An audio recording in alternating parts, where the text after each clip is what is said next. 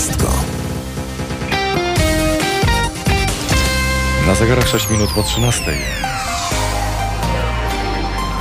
A w kalendarzu 18 dzień marca, dziś imieniny Aleksandra, Bogu chwała, Celestyna, Cyryla, Edwarda, Edwardy też, Feliksa, Krystiana oraz e, Marty. W Nigerii Dzień Matki.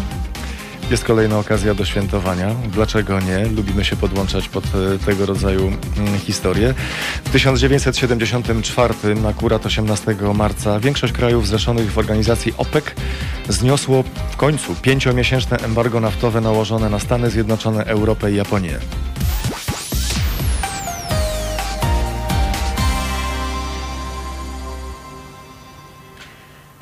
Dzień dobry Państwu. Z tej strony Fundacja Kupuj Odpowiedzialnie. E, po raz drugi mamy przyjemność e, gościć na antenie Halo Radia. E, ja nazywam się Joanna Sawicka-Gain. Ze mną dzisiaj koleżanka z Fundacji Grażyna Latos. Mm. Dzień dobry. Przypomnę tylko, że Fundacja jest organizacją pozarządową, która zajmuje się odpowiedzialną konsumpcją, zrównoważonym rozwojem, ekologią oraz prawami człowieka. Mm, I dzisiaj zajmiemy się bardzo szeroko tematem żywności. E, niedawno e, opublikowaliśmy raport Rynek spożywczy w Polsce, e, który właśnie dotyczy, jak tutaj trochę nazwa już oczywiście wprowadza, sytuacji, jakby jak wygląda w tym momencie rolnictwo, produkcja, handel, ale również jakie są alternatywne formy pozyskiwania jedzenia w Polsce. I naszą pierwszą gościnią będzie Ania Kokocińska z Fundacji Kupuj Odpowiedzialnie która współtworzyła mm, e, ten raport. Ania jest antropolożką e, i edukatorką, ale też od, od wielu lat zajmuje się takim zagadnieniem jak food sharing i trochę o tym, o tym też porozmawiamy. Mm, prowadzi warsztaty z edukacji globalnej, łączy sztukę i, i, i ekologię i właśnie edukację.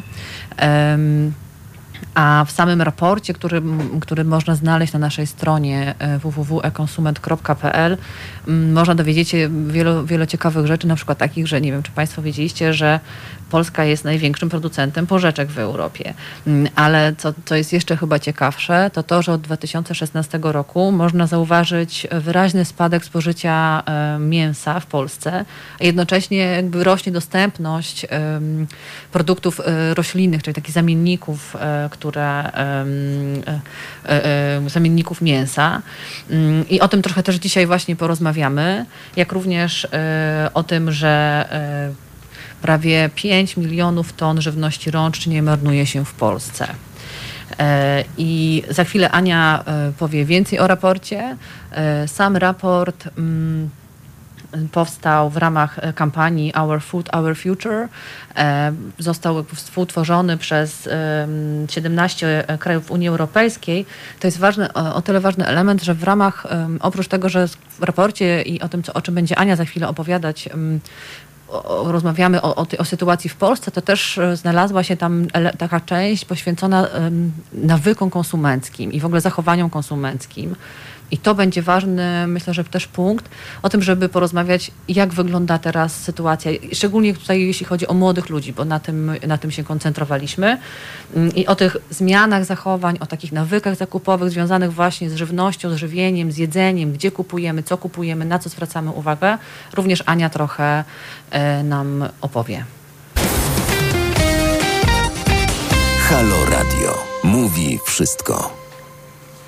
Z nami jest już Ania Kokocińska, e, która współpracuje z Fundacją Kupuj Odpowiedzialnie e, w ramach projektu Our Food, Our Future. E, z Anią porozmawiamy o produkcji żywności, która jest największym sektorem przemysłu w Polsce. Na polskim rynku wyróżniają się firmy z przemysłu mleczarskiego, ale ważnym elementem jest również produkcja mięsa, zwłaszcza drobiu i wieprzowiny. E, i przetworów mięsnych. E, I dlatego chciałabym zacząć od e, pytania o to, co to znaczy dla środowiska i jak w ogóle nasza dieta wpływa na kryzys klimatyczny. Dzień dobry. E, tak, jeśli chodzi o chów przemysłowy mięsa, to on ma duży wpływ na stan środowiska naturalnego. Hodowla zwierząt odpowiada za około 18 antropogenicznych, 18% antropogenicznych emisji gazów cieplarnianych. E, I dlaczego to jest aż tak duża liczba? E, bo musimy wziąć pod uwagę to, że hodowla zwierząt e, zabiera jakby dwa razy grunt. zarówno pod uprawę paszy, jak i pod samą hodowlę. I też właśnie w związku z tym gruntem i pozyskiwaniem, i sposobem pozyskiwania gruntów zarówno pod samą hodowlę, jak i pod produkcję paszy, na, tą, na, tą, na ten sektor przypada właśnie największa część emisji związanych z hodowlą bydła. E, I to często e, jest kwestia po prostu wylesiania e, terenów właśnie pod hodowlę paszy lub pod samą hodowlę. I tak charakterystyczna dla bogatych i wysoko rozwiniętych krajów dieta mięsna, wysokomięsna, może powodować nawet dwa albo dwa i pół raza wyższe emisje dwutlenku węgla niż dieta oparta na składnikach roślinnych. E, no i też trzeba zwrócić uwagę na to, że e, biorąc pod uwagę nakład energii, który wkładamy właśnie w produkcję mięsa, ale też innych wyrobów odzwierzęcych, e, produkt, taka produkcja tego typu wyrobów nie jest zbyt efektywna. I żeby na przykład wyprodukować 1 kg mięsa potrzebujemy około 12 kg zboża i soi, które będą e, paszą dla zwierząt. Mm, no i są e, takie szacunki, że produkcja jednego kilograma wołowiny, w zależności oczywiście od metod hodowli, może pochłonąć od 10 tysięcy do 20 tysięcy litrów wody. No i tutaj też nawiązując do Twojego jeszcze raz pytania, czy nasza dieta wpływa na kryzys klimatyczny, E, jak najbardziej nasza dieta wpływa na środowisko. Mm, I też e, tutaj e, według raportu Międzyrządowego Zespołu do Spraw Zmian Klimatu mamy takie szacunki, że około 21 do 37% globalnych emisji pochodzi właśnie z sektora produkcji żywności. Więc tak, to co jemy ma wpływ na środowisko naturalne, i na zmianę klimatu. Mhm. E, a na co w takim razie zwracać uwagę, żeby ten jadłospis był bardziej przyjazny środowisku? Na pewno jednym z elementów, na który warto zwrócić uwagę, e, to jest lokalność i sezonowość produktów, które kupujemy na co dzień. E, jeśli chodzi o sezonowość, no to w momencie, w którym dany produkt jest dostępny E, i, i jest produkowany e, regionalnie i jest w tej chwili e, na rynku dla nas dostępny, czyli na przykład ma, jesteśmy w Polsce i jest jesień, mamy duży dostęp do jabłek, natomiast na rynku istnieją też jabłka pochodzące z innych krajów, czy warzywa korzenne i tak dalej. Warto tutaj zwracać uwagę właśnie na porę roku i sezonowość, ale też lokalność czyli jak daleko od miejsca e, konsumpcji zostało wyhodowane czy wyprodukowane, spożywane przez nas jedzenie. E, bo dzięki temu bardzo rozbudowanemu łańcuchowi dostaw e, docierają do nas produkty z innych stref klimatycznych.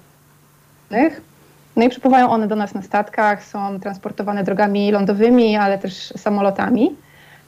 I to wpływa na ślad węglowy ale także na żywnościokilometry, e, czyli ilość kilometrów, którą przebyła żywność, zanim trafiła na nasz talerz. E, I właśnie te żywnościokilometry wpływają też na ślad węglowy e, jedzonego przez nas posiłku, czyli sumę wszystkich emisji gazów cieplarnianych, które powstały podczas produkcji i też konsumpcji danej rzeczy. Na ślad węglowy naszego naszej diety e, wpływa też to, co już wcześniej o tym mówiłam, czyli metoda e, pozyskiwania gruntów pod uprawę. E, na pewno też warto zwracać uwagę na sposób hodowli i stopień przetworzenia danego produktu, ponieważ jeśli kupujemy żywność pochodzącą z dużych gospodarstw rolnych, są to gospodarstwa zazwyczaj nastawione na duży, duże korzyści inwestora, niekoniecznie są, e, idą w parze z dobrym e, nie chodzi tutaj o też e, potrzeby żywieniowe lokalnej ludności i zapewnienie dobrych warunków dla środowiska. Wielohektarowe uprawy często wiążą się z monokulturą, co prowadzi do pogorszenia jakości ziemi a później skutkuje też potrzebą używania dużej ilości pestycydów i nawozów sztucznych. Takie uprawy konwencjonalne wykorzystują też duże zasoby wody, no i bywa, że jednocześnie też tą wodę zanieczyszczają. E, jeśli mówimy o uprawach, to warto też zwrócić uwagę na to, czy są to na przykład uprawy szklarniowe, e, które umożliwiają wzrost roślin przez cały rok i jest to dla nas duży plus, bo właśnie te warzywa i owoce są, mogą do nas, e, mogą być dostępne dla, na, naszych, na półkach sklepowych dla nas przez cały rok. No ale takie uprawy szkoleniowe są energochłonne, i wiążą się z prawie trzykrotnie, prawie trzykrotnie e, wyższą emisją gazów cieplarnianych niż uprawy gruntowe. E, no i tu warto zwrócić uwagę na różnicę pomiędzy rolnictwem ekologicznym i konwencjonalnym e, i też na to, czy ta żywność, którą jemy, jest wysoko przetworzona, czy nisko, bo wysoko przetworzona żywność ma też większy ślad węglowy, E, i do jej produkcji zużywa się też dużej ilości wody. I tak możemy e, podać przykład pomidora. E, jeden pomidor, są takie szacunki, że to kosztuje, wyprodukowanie jednego pomidora kosztuje nas 50 litrów wody. Natomiast już wyprodukowanie kilograma pomidorowego keczupu kosztuje 530 litrów wody na ten kilogram. E, a wyprodukowanie kilograma pulpy pomidorowej to jest jakieś 710 litrów wody na kilogram takiego wyrobu. No i warto też oczywiście zwracać e, uwagę na to, czy to są e, punkty, produkty pochodzenia od zwierzęcego, czy nie, jak już wcześniej mówiłam. E, no i to jest tak, lokalność, sezonowość, sposób hodowli, e, zwracanie uwagi, czy to są produkty pochodzenia roślinnego czy zwierzęcego. Mm, natomiast wydaje mi się, że warto też mieć na uwadze, że przyjazny planecie jadłospis to też jadłospis, który jest przyjazny dla nas samych.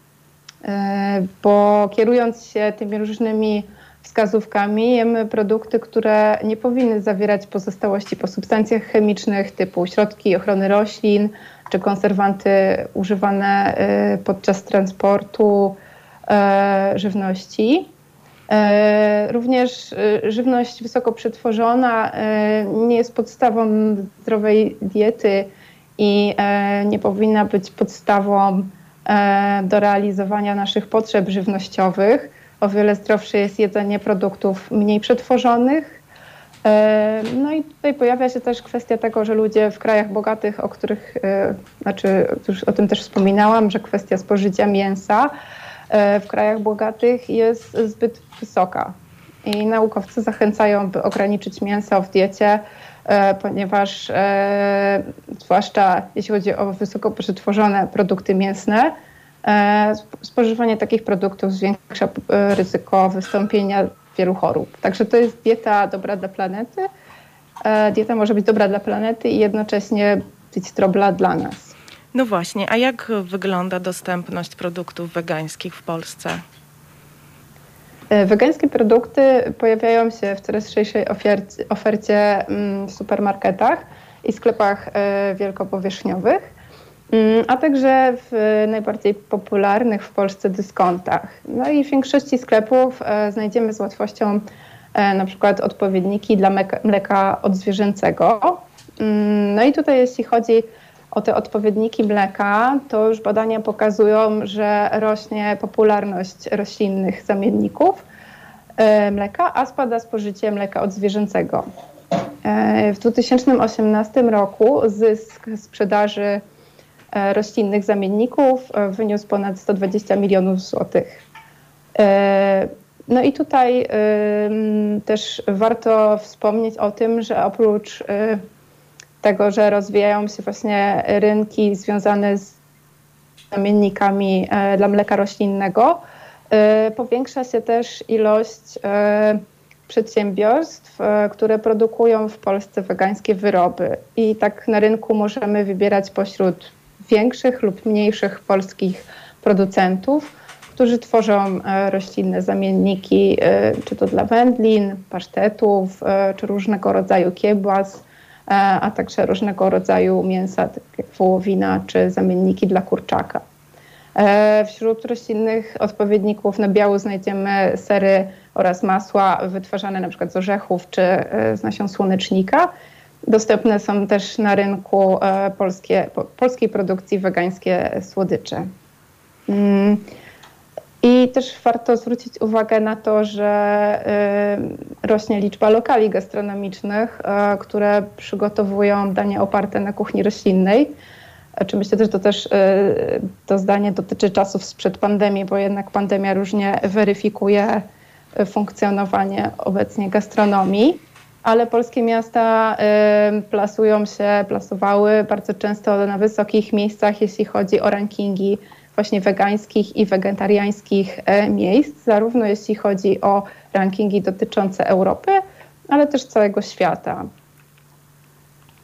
E, mówiłaś o, o rolnictwie, e, też tym konwencjonalnym, ale alternatywach również.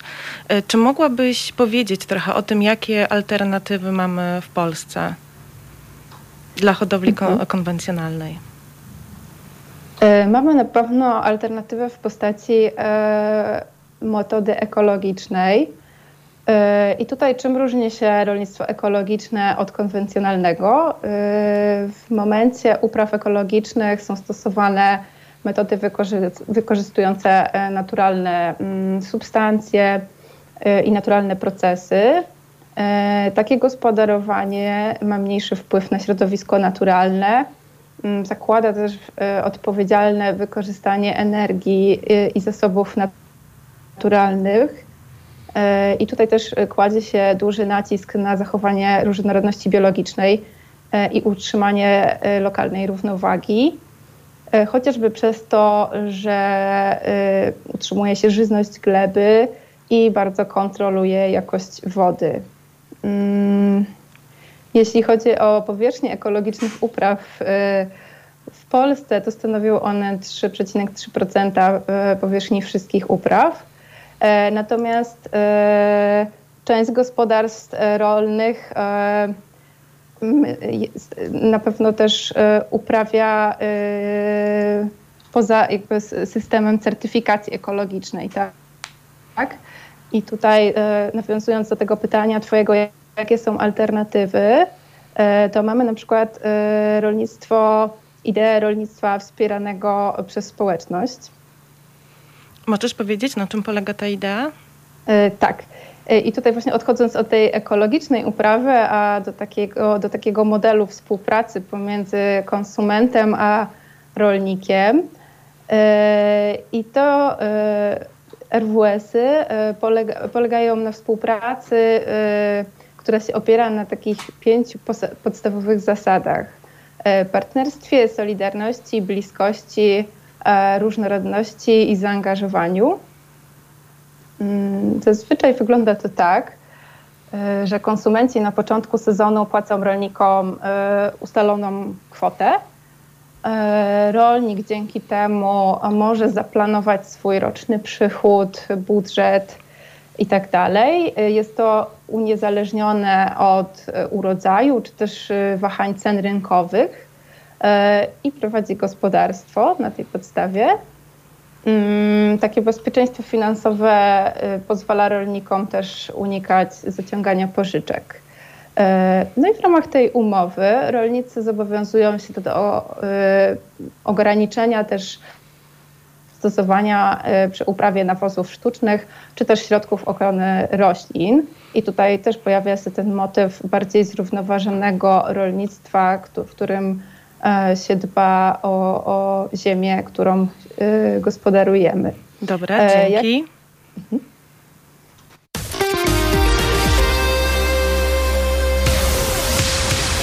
Słuchacie Halo Dnia w Halo Radio. Z Anną Kokocińską rozmawiamy o alternatywach dla hodowli konwencjonalnej. E, mówiłyśmy o rolnictwie wspieranym przez społeczność, e, a chciałabym Cię też zapytać o działanie kooperatyw e, spożywczych. Jak wygląda w Polsce? Mhm. Kooperatywy spożywcze to inicjatywy konsumentów, którzy którym zależy na pozyskaniu lokalnej żywności dobrej jakości, przy dużym nacisku na budowanie sprawiedliwej relacji z rolnikami, a także producentami tej żywności. E, działanie w takiej kooperatywie daje możliwość bezpośredniego poznania rolnika czy też producenta żywności oraz warunków, e, w których powstają produkty i na tej podstawie też właśnie weryfikacji tego, czy to jest e, uprawa przyjazna środowisku. Ważnym aspektem takiego działania w kooperatywie jest tworząca się społeczność, która zrzesza rolników, producentów, a także konsumentów i konsumentki. E, którzy są nastawieni na wspólne działanie i podejmowanie decyzji. E, I jak działają kooperatywy? Mm, no to pierwszy etap takiego działania to będzie zebranie zamówienia, e, potem następuje przekazanie zamówienia do producenta czy do, do, do rolnika, ustalenie szczegółów. No i ostatnim etapem jest odbiór zamówienia. Takie osoby, które korzystają z kooperatyw, mają e, dostęp do ciekawej selekcji produktów, które są bardzo często wysokiej jakości, są wyprodukowane w ekologiczny albo odpowiedzialny sposób.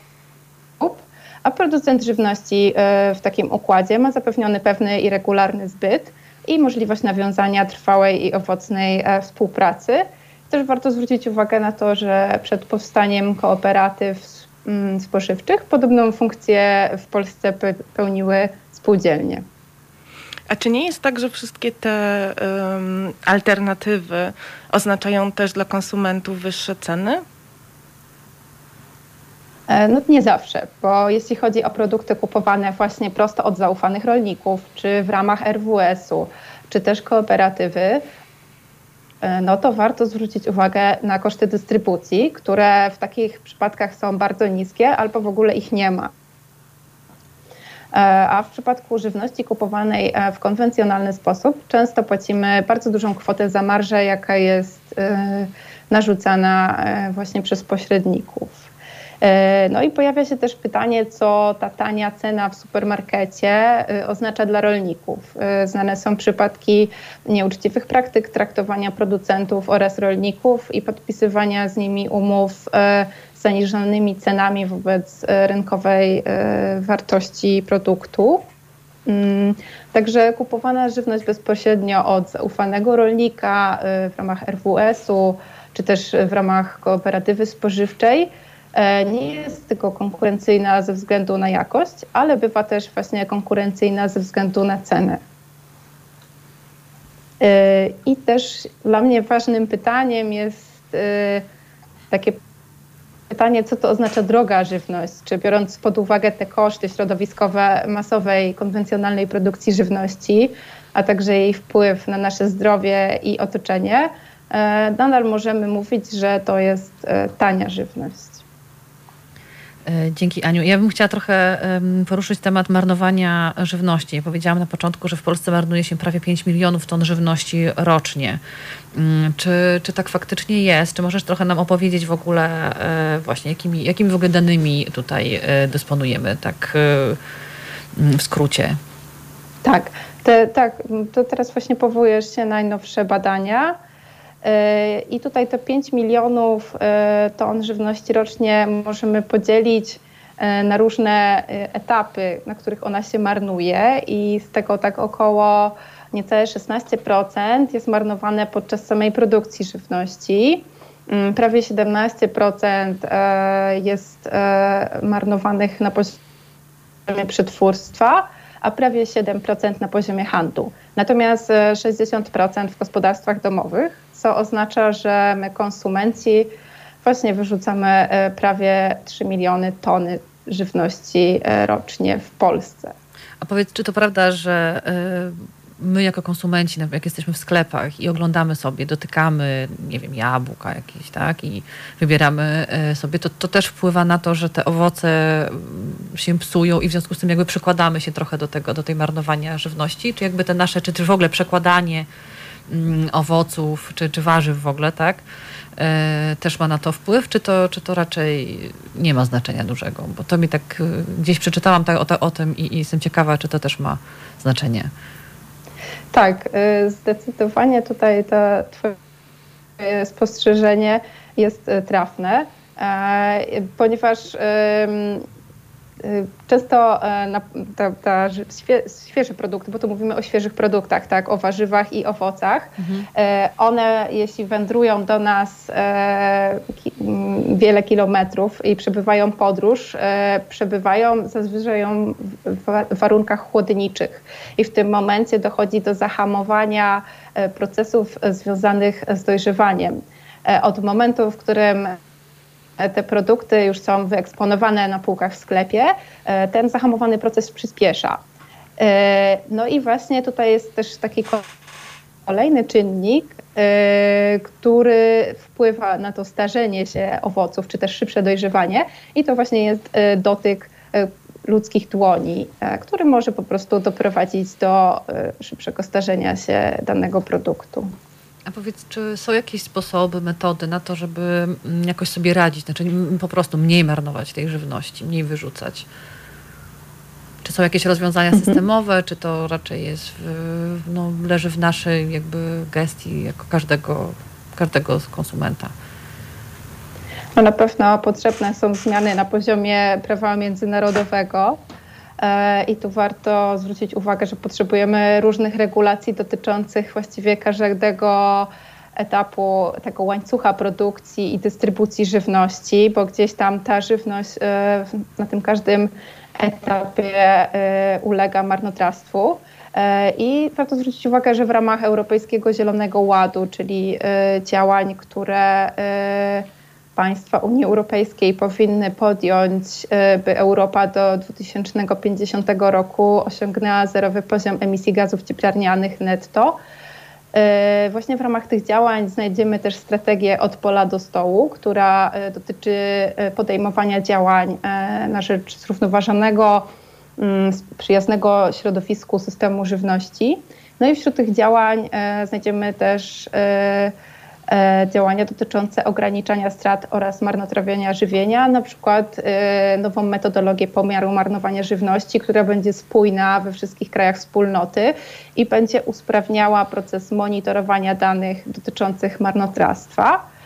A na takim, e, takim poziomie działania konsumenckiego, no to warto zwrócić uwagę, że istnieją w Polsce różne inicjatywy, właśnie walczące z marnowaniem e, żywności i to będą na przykład aktywiści, aktywistki food sharingu, czy też banki żywności oraz e, instytucje stworzone w celach pomocy charytatywnej. To opowiedz trochę, e, czym są w ogóle banki żywności i powiedz o food sharingu, czymś, czym zajmujesz się sama zresztą, tak, od, od wielu lat. Mhm.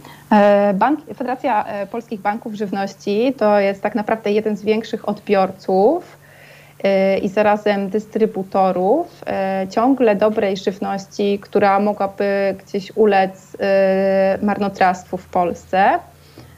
Banki działają na takiej zasadzie, że odbierają od dostawców niepotrzebne nadwyżki i przekazują je do dystrybucji organizacjom charytatywnym. E, no i tak, żeby zobrazować skalę działania, to w 2019 roku e, banki żywności przekazały ponad 67 tysięcy ton e, żywności właśnie na cele społeczne. A jeśli chodzi o food sharing, o którym już wspominałaś, no to tutaj głównym celem też jest marnowanie, przeciwdziałanie marnotrawstwu jedzenia mm, do korzystania z jadłodzielni, czyli takich punktów, w których możemy zabrać albo zostawić żywność. Zaproszeni są wszyscy, e, bez względu na status materialny czy status społeczny. Mm, takie punkty zazwyczaj powstają w miejscach publicznych, czasem w miejscach, które są otwarte w konkretnych godzinach, typu sklep czy stanowiska na targowiskach. I każda taka jadłodzielnia e, posiada regulamin e, korzystania, w którym zaznaczone jest między innymi na przykład konieczność opisania dania własnej produkcji, e, zakaz zostawiania surowego mięsa czy produktów, które zawierają surowe jaja. Użytkownicy, którzy korzystają z lodówek, robią to na własną odpowiedzialność, ale też jest taka idea, która przyświeca food sharingowi, ponieważ to działanie się opiera na zaufaniu społecznym. I tak naprawdę idea food sharingu, można powiedzieć, że przyszła do Polski z Niemiec. No jadłodzielnia w Polsce już została otworzona w 2016 roku w Warszawie. I od tego czasu rośnie liczba miast, w których pojawiają się właśnie takie punkty umożliwiające swobodne dzielenie się jedzeniem. A czy no masz... i a przepraszam, ciekawi mnie, czy masz takie informacje, że mm, jakby, jak, czy, czy faktycznie ludzie korzystają z tego? Czy jakby jak, tak, jak... korzystają. Mhm. Czyli mhm. to faktycznie ta idea nie tylko jest fajna w idei samej i w teorii, ale, ale w praktyce również y, sprawdza się. Tak, tak. Y, jako wolontariuszka y, Food Sharing Wrocław, a od niedawna Food Sharing Kraków mogę się wypowiedzieć. Jeśli chodzi o Wrocław, to y, Wrocław jest, ma taką sytuację, że mamy, istnieje tam bardzo dużo takich lodówek, lodówek, jadłodzielni w formie lodówek, które rzeczywiście stoją na ulicy, są łatwo dostępne i z naszego doświadczenia, z doświadczenia wolontariuszy i wolontariuszek, e, no wynika, że po prostu to jedzenie znika w bardzo ekspresowym tempie. Czasami nawet są jakieś kolejki, jeśli e, e, akurat w okolicy mieszkają osoby, które korzystają z tych lodówek, to rzeczywiście potrafią się też pojawiać w tych samych na przykład momentach, w których są realizowane dostawy do lodówek.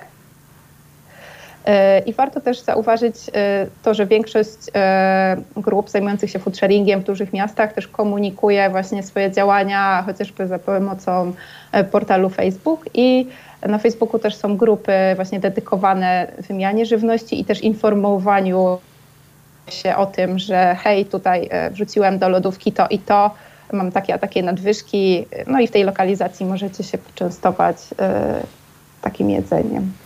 E, Aniu, czas nam się pomału kończy, ale chciałam Ci jeszcze na e, takie bardzo krótkie pytania zadać. Powiedz, jak, jak to wygląda z konsumentami, bo badaliśmy e, my, myślę tutaj jako jeden z partnerów Fundacja Kupuj Odpowiedzialnie, trochę działa konsumentów. Powiedz, co w raporcie o tych nawykach konsumenckich w kontekście żywności jest tak mm, króciutko. Tak, tutaj chodzi o młode osoby, czyli badania były prowadzone w grupie wiekowej 20-35 lat. E, no i tutaj podobnie jak w większości innych krajów, w których były prowadzone badania, takim najważniejszym kryterium, którym kierują się młodzi konsumenci w Polsce, to jest świeżość i cena produktu, ale też co ciekawe, takim kolejnym e, kryterium jest zawartość niezdrowych składników typu alergeny, tłuszcz czy cukier. E, ważne jest też moim zdaniem to, że młodzież bierze pod uwagę to, czy dany produkt jest wyprodukowany lokalnie czy regionalnie. E, I 30% e, badanych też zwracało uwagę na ilość opakowań, które właśnie towarzyszą zakupom żywności. I tutaj prawie jedna czwarta, prawie przepraszam, jedna piąta badanych mhm. wskazała też, że Wiesz, to... zwraca uwagę na to, czy produkt jest ekologiczny. Mhm. Bardzo dziękuję Aniu. Musimy kończyć. Dzięki Kończymy. wielkie za wszystkie y, tu informacje.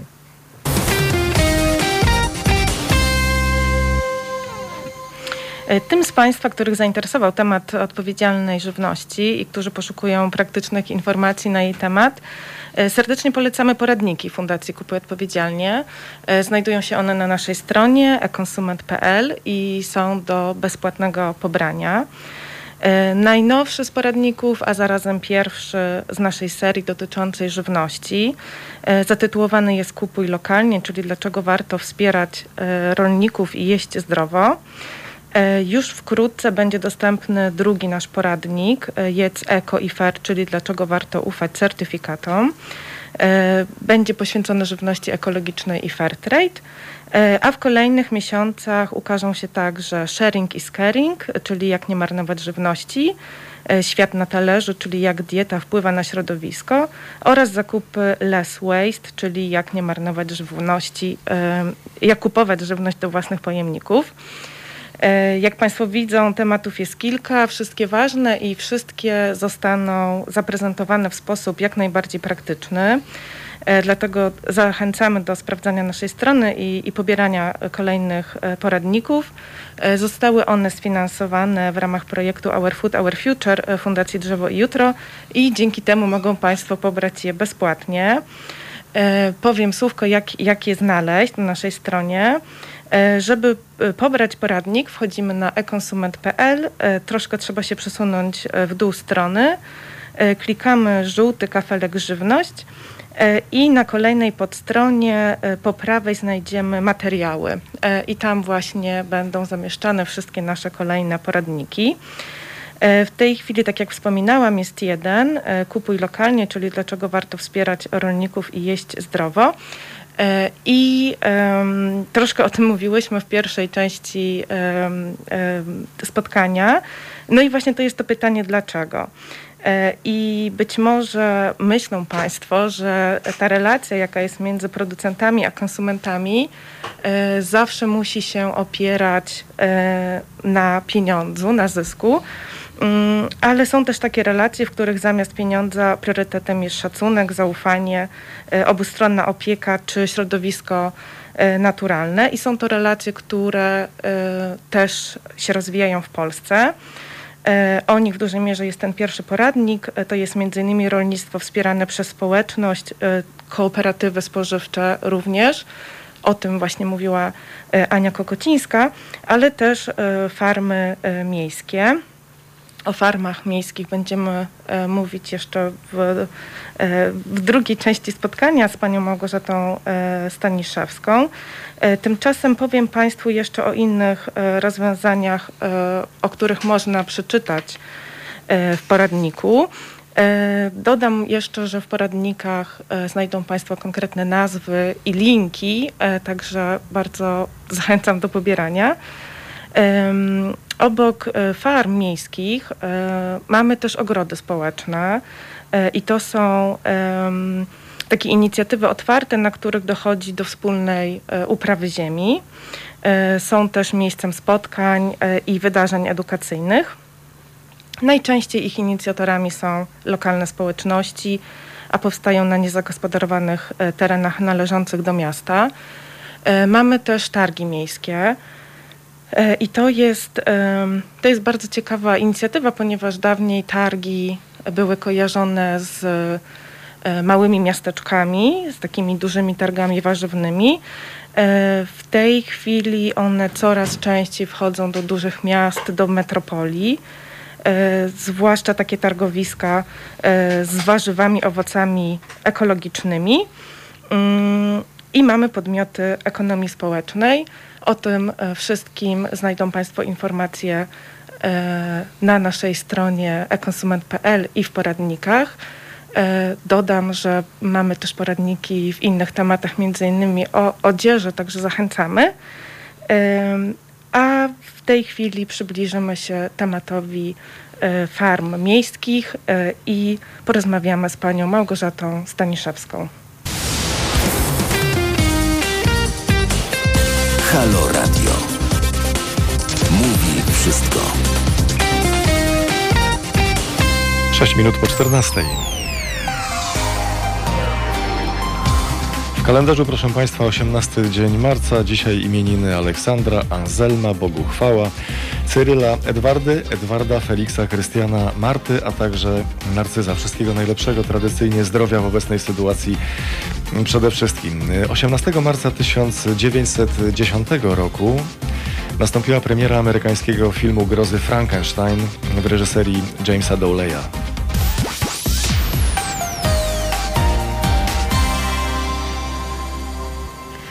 A my witamy w imieniu Fundacji Kupuj Odpowiedzialnie w drugiej części e, naszego spotkania. Mm, skupiamy się dzisiaj na temacie w ogóle żywności.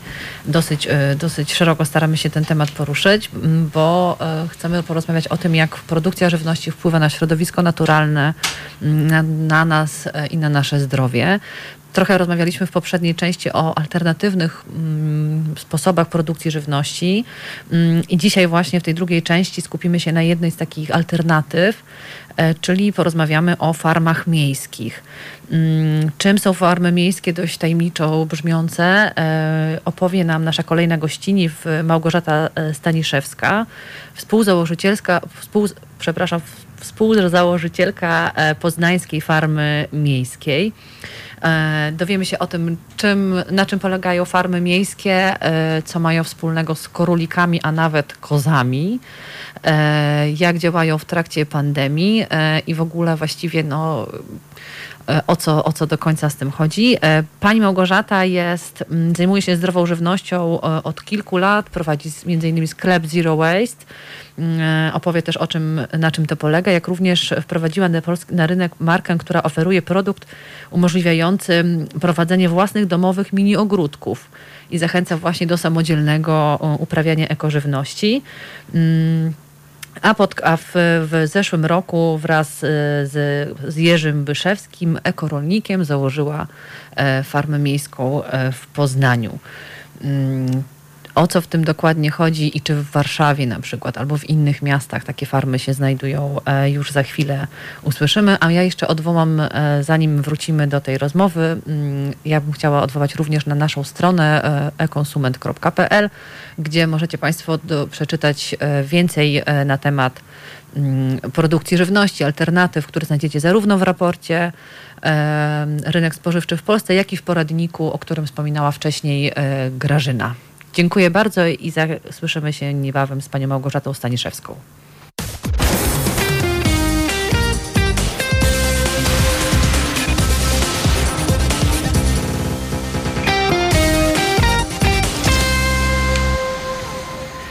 E, dzień dobry po przerwie. Witamy panią Małgosię Staniszewską z Poznańskiej Farmy Miejskiej. Dzień dobry. E, no więc e, dziękujemy w ogóle za, e, za rozmowę, że jest tu Pani z nami. Bardzo nam miło. Proszę nam powiedzieć, czym są farmy miejskie? Farmy miejskie to są takie ekologiczne inicjatywy polegające na tym, że grunty w mieście przeznacza się pod uprawy warzyw e, i owoców, czasami ziół oczywiście, czyli generalnie roślin jadalnych. Tworzy się takie ogrody, które mają za zadanie dostarczać żywność lokalnym mieszkańcom, zmniejszając tym samym ślad węglowy, no i też przywracając tereny nieużytkowane wcześniej w żaden inny sposób do swojej funkcjonalności, zachęcając również mieszkańców e, do mm, partycypacji w e, takiej aktywności, jaką jest uprawianie e, działki. Mhm, ale czy to faktycznie miasto jako instytucja również y, uczestniczy, czy to, czy to jest inicjatywa całkowicie prywatna? Tyle, że dzieje się na terenie jest, miasta. Tak, to jest inicjatywa całkowicie prywatna. Miasto w tym nie partycypuje. E, aczkolwiek jest zawsze mile widziane, więc jeżeli władze miasta słuchają naszej audycji, to serdecznie zapraszamy do współtworzenia naszej inicjatywy. Mm, proszę powiedzieć w takim razie, no brzmi to bardzo ciekawie e, i e, jestem też ciekawa, skąd w ogóle pomysł na, na taką inicjatywę? Jak, jak to pomysł się pojawiło? Tak. Pomysł urodził się w mojej głowie dawno, dawno temu, kiedy jeszcze w ogóle nie zdawałam sobie sprawy, że takie inicjatywy na świecie istnieją. E, to, była tak, taki, to był taki pomysł wynikający z potrzeby, albo, ale też z trudności e, związanej ze zdobywaniem zdrowej żywności. E, nie wiem jak u Pani, ale jak u Państwa, ale moje życie mm, rodzinne mocno skupiało się na tym, żeby zapewnić mojej rodzinie zdrowe jedzenie. No i takie przedsięwzięcie wiązało się niestety z tym, że mnóstwo czasu konsumowało mi zdobywanie zdrowych produktów ze względu na to, że mogła, musiałam je zdobywać w różnych miejscach. I pojawił mi się taki pomysł w że cudownie by było, gdyby istniało takie miejsce, gdzie z pierwszej ręki, najlepiej od razu z ziemi, prosto z ziemi, można byłoby taką żywność zdobywać. E, później z biegiem czasu mm, pomysł mógłby zostać wdrożony w życie ze względu na to, że na terenie Poznania, na ulicy Przełajowej 5 została mi udostępniona e, taka możliwość wynajęcia terenu E, właśnie w sercu miasta, no i stworzenia takiej farmy miejskiej. No i tak to się zadziało tak naprawdę, zupełnie spontanicznie w zeszłym roku. Czyli z, z, z absolutnie z własnej potrzeby z, i potrzeby takiej swojej osobistej y, udało się stworzyć coś, co jest, stanowi dobro dla mieszkańców w ogóle Poznania, tak? Tak, z takiej potrzeby osobistej, ale też z, y, z obserwacji, jakby z, z wniosków z obserwacji tego, co się dzieje na świecie i również oferty, która jest, spożywczej oferty, która jest dostępna dla wszystkich osób żyjących czy w Poznaniu, czy w Polsce, generalnie czy na świecie. Czyli żywności mocno przetworzonej, pakowanej hermetycznie z bardzo długimi terminami przydatności do spożycia, no to, to kłóci się nieco z ideą spożywania świeżej, świeżej żywności, więc, więc tak.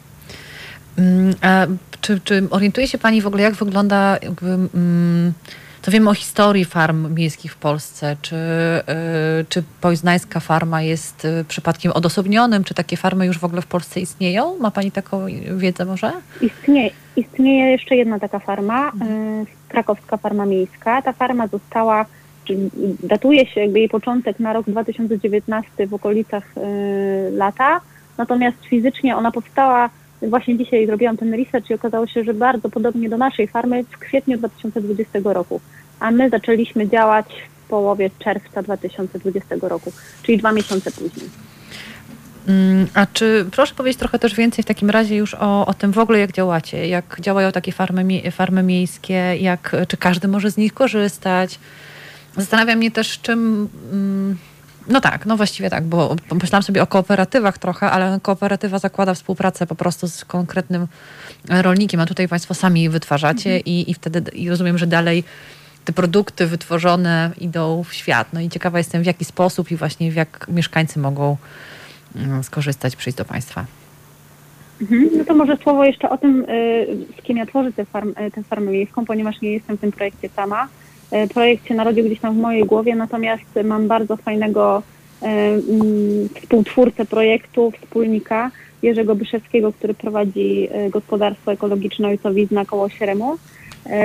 Jerzy, usłyszawszy o moim pomyśle i zobaczywszy grunty, na których mamy tworzyć farmę, a to są tereny po kortach tenisowych, od razu się zgodził, w ogóle nie musiałam go namawiać, więc, więc świetnie. No i tutaj dzięki wiedzy Jerzego przede wszystkim możemy mhm. ziemię uprawiać możemy uprawiać e, tak naprawdę mm, możemy te nasze uprawy prowadzić. Jak działamy? Działamy e, w zasadzie przez 7 dni w tygodniu, no bo farma tego niejako wymaga. My na naszej farmie mamy zwierzęta, mamy dwie kozy, które nas tam wspierają i mieszkają sobie na farmie. Więc tutaj ze względu na ten inwentarz żywy obecność jest y, wymagana, codzienna i zaangażowanie codzienne. Y, no teraz jesteśmy trochę poza sezonem, przygotowujemy się do nowego sezonu, y, tak naprawdę grunty już są przygotowane, podobnie jak krakowska farma miejska, nie orzemy ziemi, wszystko wykonujemy manualnie, nie, nie używamy żadnych ciężkich maszyn do, mm, do prowadzenia naszych, naszej, do, do, do uprawiania naszych terenów. E, używamy ziemi kompostowej, tak samo jak e, tutaj przy uprawach krakowskiej farmy miejskiej. Obecnie właśnie przygotowujemy się do nowych zasiewów. Poczekamy później 2-3 tygodnie, aż roślinki zaczną nam rosnąć, kiełkować. Część plonów mamy jeszcze z zimy, więc to też e, liczymy na to, że szpinak, kolendra odbiją i będzie można coś tam sobie jeszcze z tych pozimowych warzyw zjeść. No i dawno oczyściliśmy grunty na pozimowej marchewki, to też było E, fajnym odkryciem, że ona przetrwała, zrobiła się nawet taka słodsza, smaczna. No i tak, z tych plonów korzystamy e, przede wszystkim w ten sposób, że zachęcamy okoli, okolicznych, lokalnych mieszkańców do próbowania naszych upraw. E, zbieramy opinie o tych, o tych warzywach i później w sezonie prowadzimy sprzedaż tych warzyw. Ale nie tylko sprzedaż produktów rolnych jest naszą, naszą działalnością, bo również zachęcamy mieszkańców do uprawiania tej ziemi z nami. Podobnie jak ta krakowska farma miejska, poznańska farma miejska również prowadzi taki wolontariat i każdy e, może się zgłosić, przyjść, popielić grządki, zebrać uprawy. Tej pracy jest sporo, zwłaszcza w sezonie, więc to, to jest e, praca na, dla wielu osób i cieszymy się, że lokalni mieszkańcy e, chcą w tym uczestniczyć, przychodzą, dopytują się, kiedy będzie można znowu coś robić, ale też na przykład karmią nasze zwierzęta. Mamy taką mieszkankę ulicy Winogrady, która zbiera mm, żywność, która jest niechciana w okolicznych warzywniakach i przywozi ją na przykład do nas. No, przywozi ją do nas i karmimy e, tym nasze kozy, robimy z, e, z odpadków kompost. No właśnie, bo też, bo jak rozumiem, to jest trochę w pewnym sensie ten cykl się zamyka, tak? To znaczy wy produkujecie warzywa, tak? Przekazujecie je dalej, Tak. można z nich korzystać, natomiast też y, w jakimś sposób zbieracie te powiedzmy niechciane właśnie jedzenie, czy, czy jakieś resztki e, ze sklepów, tak? I, i, i, I to ponownie może być wykorzystane, więc dzięki temu też no trochę tutaj powiedzmy y, obieg się w jakiś sensie zamyka właśnie, jeśli chodzi o odpadki po jedzeniu, tak? Po żywności. Tak, dokładnie. No, no, taki, jest, taki jest duży obraz e, tego całego przedsięwzięcia. E, Dążymy do tego, żeby miasto było e, samowystarczalne. Teraz działa to w ten sposób, że żeby zdobyć świeżą żywność, musimy ją sprowadzać spod miasta, ponieważ w mieście nie ma upraw, oprócz naszej oczywiście, farmy miejskiej, nie ma takich upraw, z których byśmy mogli czerpać produkty świeże. Zazwyczaj rolnicy przyjeżdżają na targi lub sprzedają żywność przed, tam kolejne łańcuchy dostaw, dostawców sprzedają ją bezpośrednio, znaczy właśnie pośrednio do sklepu. A my byśmy chcieli zrobić to tak, żeby można było kupować bezpośrednio u źródła, czyli w Poznańskiej Farmie Miejskiej i naszymi klientami byliby okoliczni mieszkańcy, byłyby sklepy e, detaliczne oraz byłyby e, restauracje, czyli tak szeroko rozumiana gastronomia, restauracje, kawiarnie. I teraz po zakupie tej naszej żywności, e, jeżeli cokolwiek by zostało e, naszym konsumentom, tym szeroko rozumianym, my chętnie byśmy to zabrali z powrotem na farmę i przerobili znowu e, te organiczne resztki e, na kompost, który z kolei zasili nasze uprawy, które znowu poszłyby do naszych docelowych konsumentów. Więc to jest taki właśnie cykl zamknięty i ta gospodarka takiego obie, o- m, obiegu zamkniętego e, byłaby naszym celem. No i dążymy do tego, żeby to w tym roku wdrożyć. Brzmi to naprawdę super. E, Na początku wspomniała Pani, że kiedy ten pomysł jakoś do Pani przyszedł, e, jeszcze sobie nie zdawała sprawy z tego, że e, takie farmy istnieją na świecie. Czy może Pani coś o Tak. tym powiedzieć? W jakich, w jakich krajach, w jakich miastach, albo może kiedy w ogóle pierwsza na świecie taka farma powstała? Kiedy pierwsza powstała, takiego researchu nie robiłam, Mhm. więc tutaj datą nie rzucę. Natomiast na pewno y, wiele, wiele farm e, funkcjonuje bardzo fajnie w Australii. Y, Ogromna farma w zeszłym roku otworzyła się również latem, jakoś tak tutaj rozwinęła mocno swoją działalność w Paryżu. Y, Niesamowitą, niesamowitą inicjatywę tam podjęto, y, łącznie z tym, że grupa, która tworzy tę farmę, oferuje taką inicjatywę, tak, tak, taką pomoc, takie wsparcie w zazielenianiu terenów miejskich należących do instytucji, należących do firm, które chciałyby być bardziej ekologiczne i tak dalej. Także naprawdę super sprawa. E, Jeszcze jedna faj, fajna mm, farma jest w Monako. E, Oczywiście w Berlinie też jest farma miejska. Także tutaj e, część osób, które odwiedza nasze miejsce, mm, nawiązuje do tego, że no, to taki berliński klimat i że tutaj u nas jest tak właśnie jak u naszego zachodniego sąsiada, więc, więc no, farm jest sporo. W Stanach Zjednoczonych też się kilku, kilku do, doliczymy. E, Mam nadzieję, że takich inicjatyw będzie coraz więcej i że w Polsce nie poprzestaniemy na dwóch, ale na wielu takich projektach. A czy w jakiś sposób pandemia wpłynęła na, na Państwa taką codzienność właśnie na farmie i też zainteresowanie e, wolontariatem, od, jakby częstotliwość odwiedzin? Czy pandemia wpłynęła na częstotliwość odwiedzin lokalnych mieszkańców na farmie? Myślę, że nie, ym, ale odpowiem dlaczego tak myślę. Znaczy, nie jestem w stanie stwierdzić tego na 100%, dlatego że wtedy, kiedy my zaczęliśmy funkcjonować, czyli w lipcu, e, w sensie kiedy już były plony, e, to wszystkie obostrzenia jakby przestały obowiązywać.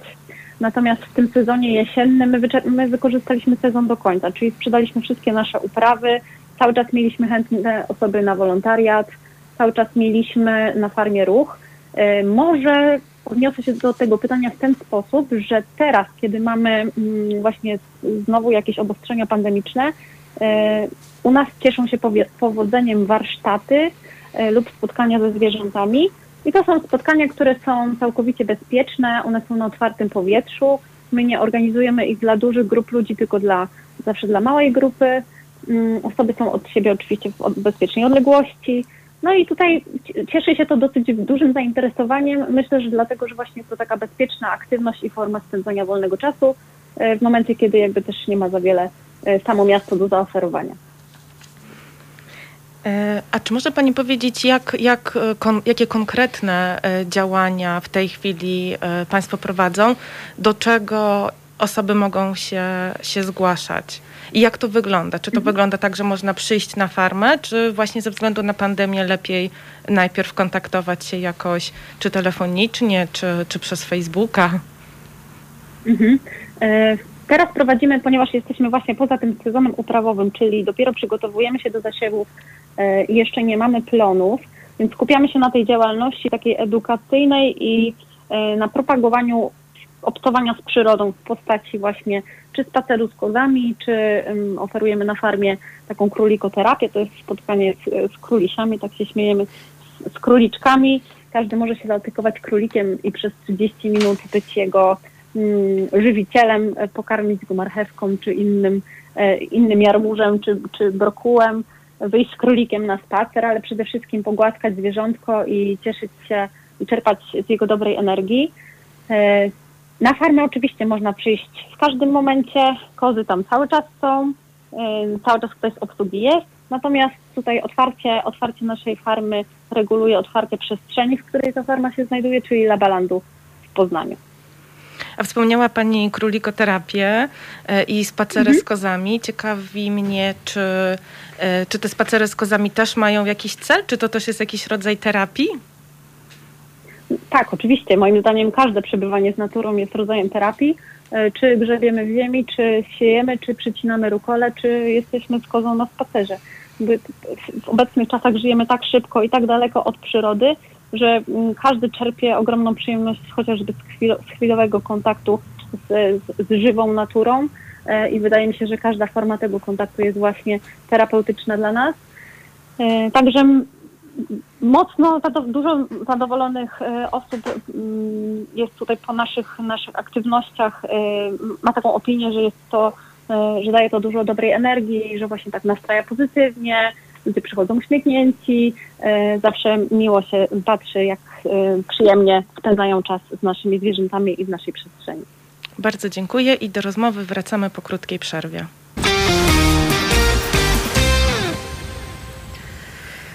Pani Małgorzata, ja jeszcze chciałam wrócić do trochę tematu um, początków w zasadzie tych farmy. Bardzo to jest inspirujące to, co robicie i myślę sobie z perspektywy osoby mieszkającej w Warszawie, że zdecydowanie brakuje nam tutaj takiego miejsca. Proszę powiedzieć, co trzeba w takim razie zrobić, e, żeby taką farmę założyć? Jakby mogła Pani nam tak trochę podpowiedzieć, może słuchaczom, może ktoś z mhm. nas, może ja sama, mm, e, mhm. takie kroki podejmiemy no najtrudniejsze to chyba zdobycie y, takiego obszaru, którym można byłoby zagospodarować. No, mówimy o miastach i to o dużych miastach, bo i, i, w Krakowie, i w Poznaniu takie farmy są.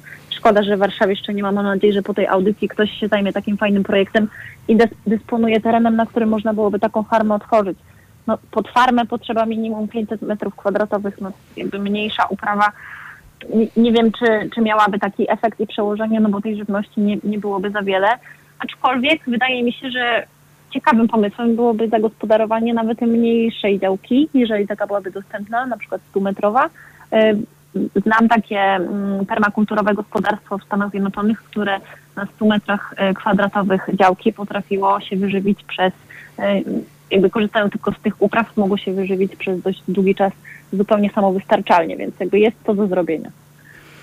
Ja Także to jest najtrudniejsza sprawa, y, tak, a później, no cóż, y, trzeba się postarać o dobrą ziemię. My mamy ziemię z kompostowni, ziemię kompostową, która jest bardzo żyzna, fajnie azotowa, y, no i to jest tak naprawdę podstawa upraw. Do tego zawsze używamy dobrych nasion sprawdzonych. No i ta wiedza, wiedza mm, mojego wspólnika Jerzego też tutaj była niezbędna, żeby rozpocząć uprawy. Tyle. I dużo dobrej woli, dużo dobrej chęci i miłość do przyrody. Czyli tutaj ten partner ważny, ważnym elementem jest, e, zdaje się, prawda? Szczególnie dla typowego mieszczucha. Myślę, że to jest e, bardzo cenny, e, cenny taki partner, który wie wszystko, co trzeba. Tak, tak. Mój partner, rolnik, wspólnik jest naprawdę cennym partnerem do, do takiego projektu. Natomiast wydaje mi się, że osoba, która ma zamiłowanie do upraw i prowadzi własne eksperymenty z roślinami, czy w swoim własnym ogródku, czy w domu na parapecie, również może się takim czymś zająć. Więc myślę, że ten projekt jest dla każdego, kto po prostu lubi uprawiać e, rośliny, lubi uprawiać ziemię, kocha ogrodnictwo e, i kocha zdrową żywność. A ja jeszcze chciałam e, podpytać o te zwierzęta, które się znajdują na farmie.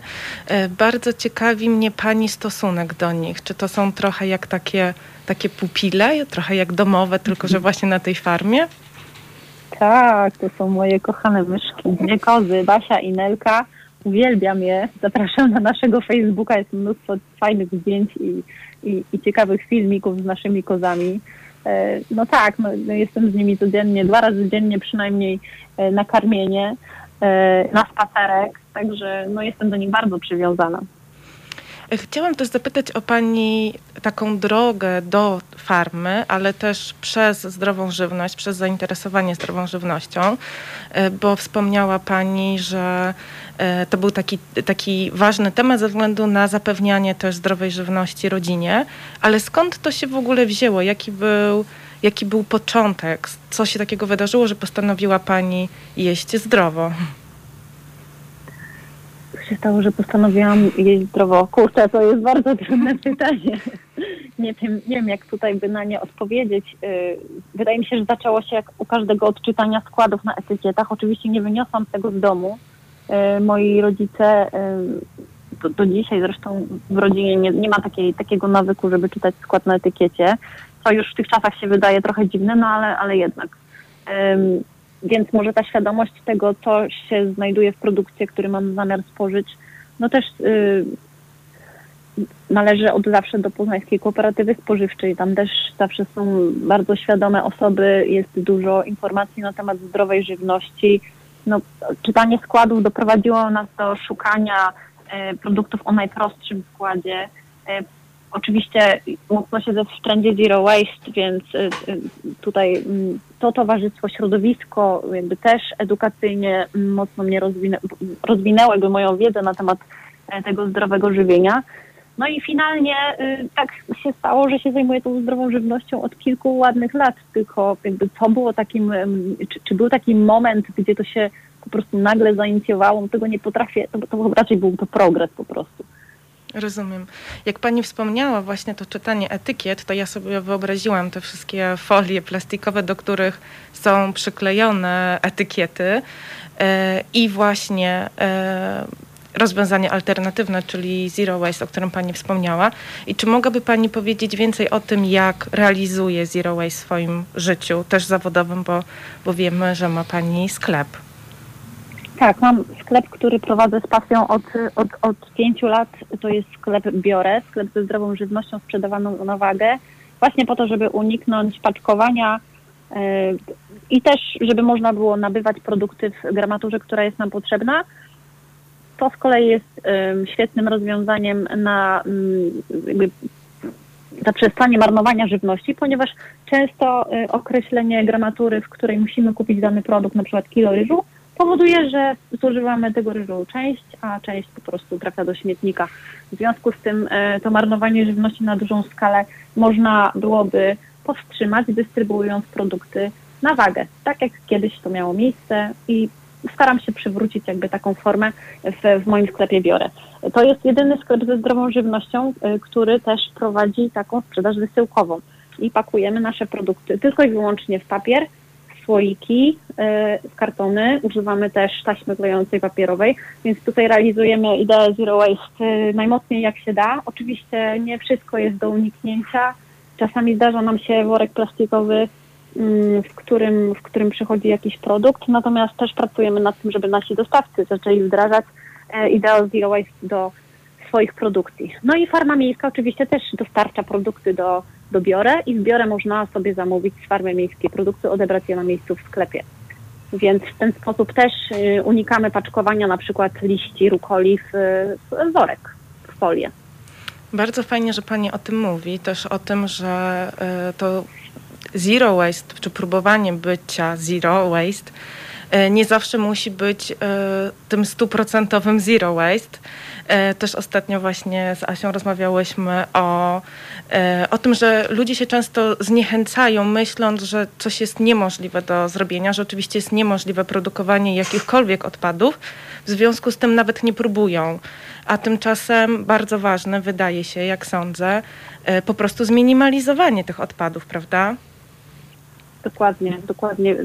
Minimalizowanie jest kluczowe i jeżeli zaczniemy sobie wdrażać, wprowadzać taki nawyk, żeby unikać tego plastiku, stos będziemy stosować alternatywy, czy nosić własne woreczki, czy nie wiem, kupować bambusową szczoteczkę zamiast plastikowej, nie wiem, jest mnóstwo metod na to, żeby być chociaż trochę bardziej ekologicznym, to to zużycie plastiku będzie się zmniejszało. Zresztą plastik trzeba wziąć pod uwagę, że to jest bardzo fajny materiał, tylko po prostu my go nierozsądnie zaczęliśmy używać, my jako ludzie, bo używamy go na ogromną skalę, nieraz zupełnie wtedy, kiedy jest, nie ma takiej potrzeby.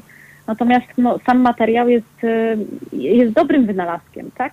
Tylko gdzieś tutaj w trakcie użytkowania popełniliśmy taki błąd, że produkujemy go tak dużo, że nie możemy go później przetworzyć i no i w związku z tym zanieczyszczamy własne środowisko, środowisko, w którym żyjemy. Ja zawsze powtarzam, że no nie, można, nie można żyć zdrowo na chorej planecie, w związku z tym o zdrowie tej planety musielibyśmy e, dbać. Dbać e, nawet takimi małymi gestami, nawet e, braniem własnych wielorazowych woreczków na zakupy do sklepu spożywczego.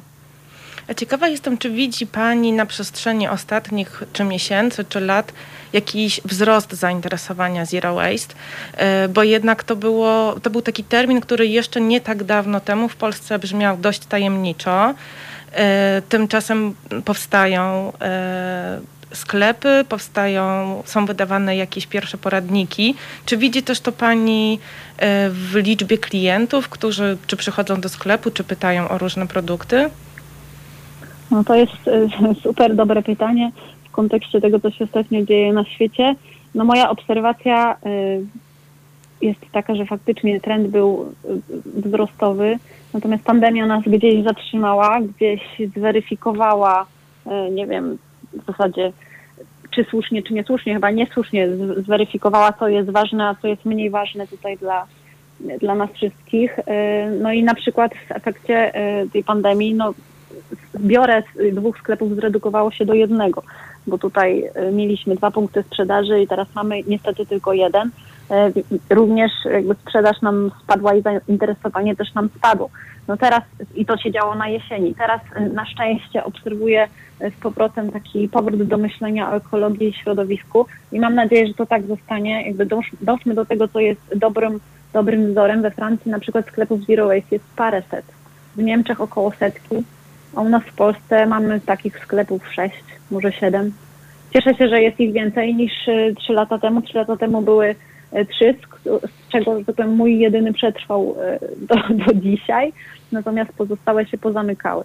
Mam nadzieję, że to, jest, że to jest coś, na co będziemy zwracać coraz większą uwagę, na to, że faktycznie musimy dbać o i szanować jakby zasoby, które mamy, myśląc o naszej przyszłości. No właśnie, bo wspomniała Pani, że nie można być zdrowym na, na zanieczyszczonej planecie i y, bardzo ciekawe wydaje mi się to, że właśnie w trakcie pandemii jakieś zainteresowanie zero waste jakoś zmalało przynajmniej y, chwilowo, bo przecież y, w mniejszej produkcji odpadów, no właśnie tak jak Pani powiedziała, też chodzi E, o nasze zdrowie, o to, że będziemy żyć w zdrowszym środowisku, a zwłaszcza dzisiaj tak wiele z nas tęskni za tą naturą, przestrzenią, oddychaniem świeżym powietrzem. Też mi się tak wydaje, natomiast y, pandemia znowu nas wprowadziła na taką drogę, że jednak ten plastik nas bardzo chroni i, i gdzieś tam jest potrzebny. Proszę zwrócić uwagę na, na niezliczoną ilość y, rękawiczek, zrywek. Dopiero co zabroniliśmy używania foliówek, zrywek w sklepach a tutaj teraz na każdej stacji benzynowej, e, w każdym sklepie znowuż e, zrywki w postaci rękawiczek. No nie wiem, czy tutaj e, planeta odetchnęła tym, że zostaliśmy wszyscy pozamykani w domu i nasze aktywności zostały ograniczone. Wydaje mi się, że patrząc po tym, co widzę, jakby spacerując po lesie czy, czy po łąkach, liczba maseczek, które gdzieś tam się przewijają jako porzucone czy zgubione, bo nie zakładam to z intencji, no ale gdzieś tutaj są, zaczęły być nierozłącznym elementem po prostu przyrody i widoków, no to to jest trochę przerażające.